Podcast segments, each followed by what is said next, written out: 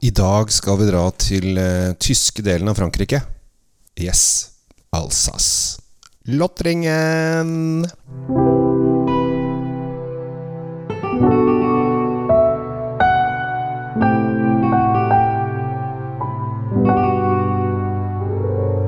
Hjertelig velkommen til en ny episode av Kjells vinkjeller. Vi skal til Alsace, som det heter i Frankrike. Lottringen heter vel i Tyskland. Jeg vet ikke om de sier Lottringen lenger. Altså Dette er et område som har blitt kriget på frem og tilbake, frem og tilbake, frem og tilbake. Og eh, denne produsenten her, eh, Gustav Lorentz, som den heter, har da lagd vin i dette området siden 1836. Og de har sikkert vært både tysk og fransk og tysk og fransk og tysk og fransk. Ikke så mye etter 1870 Jo da, vi har jo noen verdenskriger som har drevet og herja gjennom her, da, men eh, 1872 var vel siste store forflytningen, som jeg, om jeg ikke husker feil. Jeg kan at jeg tar litt feil. Men uansett. Sjette generasjon.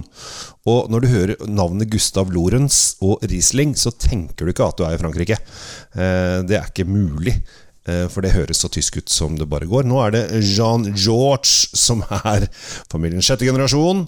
Og han er til og med vinmaker og eier eh, sjappa.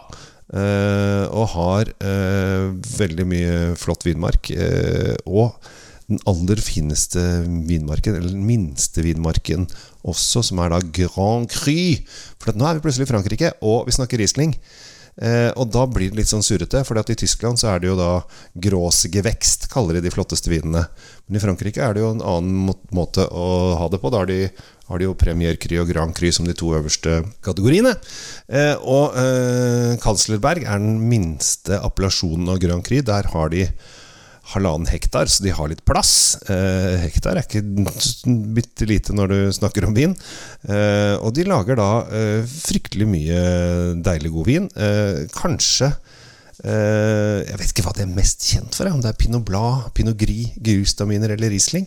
De lager i hvert fall alle alle delene, til og med Pinot Noir. Eh, men det er kanskje Rieslingen som er nå ble jeg litt usikker eh, på hva de er eh, mest eh, kjent for. Det kan jo du tenke deg ut hvis du har hørt om dette før. Hvis du aldri har hørt om det før, så bare Gi deg faen, jeg, Kjell. Jeg kjører på. Bare finn på noe. Um, men vi er da, eh, og jeg gleder meg skikkelig til denne vinen her, for den har jeg smakt mange ganger. eh, og dette her er nå er det 2018-utgangen som er eh, Eller årgangen som er ute. Utgangen som er året. Skal vi se. Det er av og til når man sitter hjemme for seg sjæl og lager podkast, så kan man surre litt mora. Um, og det er helt lov. Uh, og så er det sånn at uh, når jeg er hjemme for meg selv og lager podkast, så lager jeg kanskje tre-fire stykker, og da har jeg åpna en tre-fire viner. Og så legger jeg bort uh, innspillingsapparatet, og så tar jeg et glass til eller to. Det syns jeg er fortjent. Um, og her har jeg gleda meg skikkelig. For dette her er eh, Riesling. Eh, og Riesling fra Alsace syns jeg er kjempegodt. Eh, og her er det da en Grand Cry-appellasjon, Så dette er toppvinen. Og her kunne jeg gjerne gått inn og fortalt at jordsmonnet er en rik blanding av gypsum, kalsium og leirekalkstein.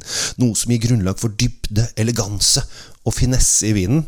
Men akkurat sånne ting pleier jeg å droppe å prate om. Ikke det at jeg ikke kan noe om jordsmonn og hvordan ting fungerer, men jeg syns det blir litt sånn derre nerdete. Og eh, for de spesielt interesserte. Og så har jeg vært på såpass mange smakinger og eh, der jeg har smakt ting som ikke henger helt på greip. Når de sier ja, hvis jordsmonn er sånn sånn, så er det sånn og sånn. Og så får du viner som ikke er sånn. Så ja, hva skjedde her, da? Nei, nei det, skal, det skal jo være sånn, da. Det er sånn, men du bare kjenner ikke. Ikke sant? Um, så det viktigste for meg er å fortelle om viner jeg syns er fantastisk gode, og som jeg får glede av å smake på selv. Og jeg tenker åh, dette her er digg. Her, Dette må folket høre om. Og folket, hvem er det? Jo, det er deg. Det er deg. Så føler du deg ikke folkelig, så gjør du det nå. Og det som er så deilig når du bare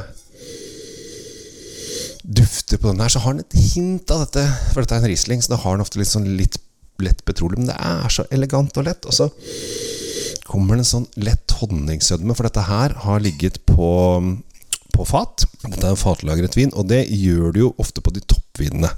Så her har det ligget på øh, faktisk litt forskjellige størrelsesfat fra 40 til 110 hektoliter. Og det har ligget sånn ca. nesten et år på dette fatet. Som gjør dette her til en ganske Altså Hadde dette vært en chardonnay eller en annen hvit eh, drue, så hadde denne smørfedmen kommet med en gang. Nå var det boom! Her kommer jeg! Eh, men i og med at dette er Riesling, så kommer ikke denne smørfedmen med en gang. Den har egentlig ikke den samme greia, for det kommer ofte sånn honningsødme og en litt sånn rund, gul frukt. Og den har en del andre ting som ikke de andre druene har. Så det er det som er litt gøy når man da driver med Nå må jeg drikke.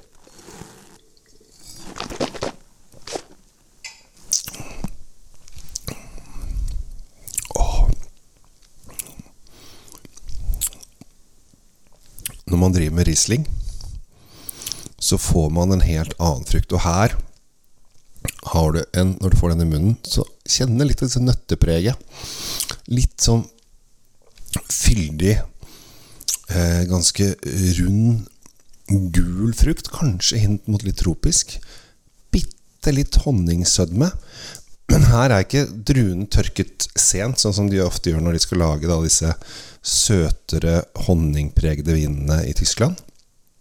Her er druene plukket, plukket i riktig tid, og har en da en gul frukt og en skikkelig fyldig munnfull av litt sånn blanding av noe lett fat, noe nøtter, noe gul frukt, noe honning.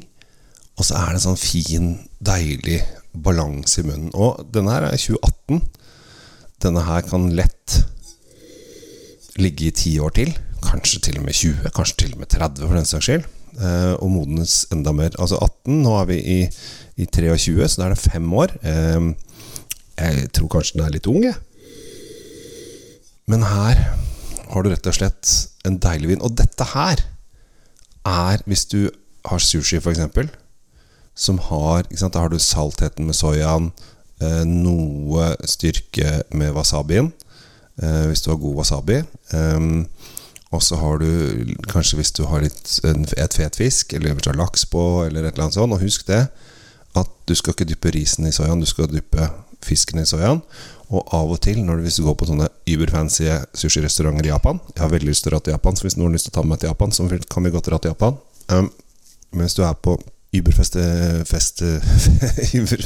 fete restauranter i Japan, så tar de bare en pensel, og så pensler de over en sånn soyablanding som de har lagd. Uh, sikkert samme oppskrift i familien i 500 år. Og så blir det helt nydelig. Ja, det er ikke 500 år, for at sushi ble faktisk ikke oppfunnet før på 1800-tallet engang. Eh, så det er ikke så gammel mat. Eh, og da begynte de med at de var nede i havna for å gi fiskerne enkel mat når de jobba på havna. Så, så enkelt er det. Og vi skal takke Jens Evensen. Hvem skulle trodd? Jens Evensen på, i 86. Da tok han med seg norsk laks til, til Japan. For å, å, prøve å selge det til det japanske markedet. og da hadde de prøvd litt kanadisk laks før. Og det hadde de syntes vært ganske bra, så det funka veldig fint. For den japanske laksen er nemlig full av bein, så den funker ikke som sushifisk. Men den norske laksen den kom inn som et friskt, friskt pust uh, i Japan. Og faktisk, eh, min mor er oppvokst i Japan, så vi var på japantur i 2013. Eh, og da var vi på Chuchiki Fish Market i Tokyo. Og da spiste vi sushi om morgenen, og da fortalte han stolt sushikokken at denne laksen er fra Norge, den er fiska for 24 timer siden. Og vi bare Hæ? Vi bor i Oslo, og hvis vi får fersk laks, så er den i hvert fall en uke gammel. Så imponerende. Det er bare rett opp av havet, rett inn på fly, rett til Japan på første klasse. Åh. Så det var nydelig. Men uh, det var en, følte jeg at vi hoppet litt ut uh, av uh, Men jeg tror den laksen hadde passet veldig bra til denne, denne vinen. For dette er, dette er litt sånn sushi-perfeksjonisme. Sushi og det er jo ikke det er jo ikke gratis heller, for dette er da toppvinen til Gustav Lorentz. Men den har en sånn rikhet og mektighet som jeg syns er veldig, veldig bra. Jeg skal faktisk eh, helle opp litt ekstra i glasset. Det syns jeg har fortjent. Eh, for dette er da 2018, koster da eh, 400 kroner, eller 399,90 som det da heter når det ikke heter 400 kroner. Det er litt rart, egentlig, for jeg snakket med Hvorfor skriver de ikke bare 400 kroner? Altså 399,90. Er- Altså, ja, vi er dumme. Eh, men Altså, hvis du er i for eksempel euroland, så står det ikke 999 euros, det står 10 euro. Og 20 euro. Og jeg må jo si at europeere, som på generell basis, bør jo ikke være så veldig mye smartere enn oss. Eller dummere enn oss, for den saks skyld. Vi er vel ganske like. Er vi ikke det, da? Det er noen europeere som er dummere enn oss, og så er det noen europeere som er smartere enn oss. Så er det noen nord nordmenn som er dumme, og noen nordmenn som er smarte. Sånn er det bare. Men uansett Kanslerberg, Grand Cry Kanslerberg Gustav Lorentz, Riesling 2018. God sak. Hvis du virkelig skal skjemme bort deg sjæl, de du er glad i, når du f.eks. skal spise nydelig Riesling. Jeg tror faktisk det vil funke litt i sånn der gyoza og annen japansk mat også. Yakatori, kanskje. Ting som er litt salt. Jeg er positivt innstilt. Og jeg håper du er positivt innstilt også, til å fortsette å lytte på disse podkastene. Så abonner gjerne. Det setter jeg veldig pris på. Får du melding hver gang jeg kommer ut med en ny podkast. Og jeg prøver så godt det går å komme med to stykker i uka.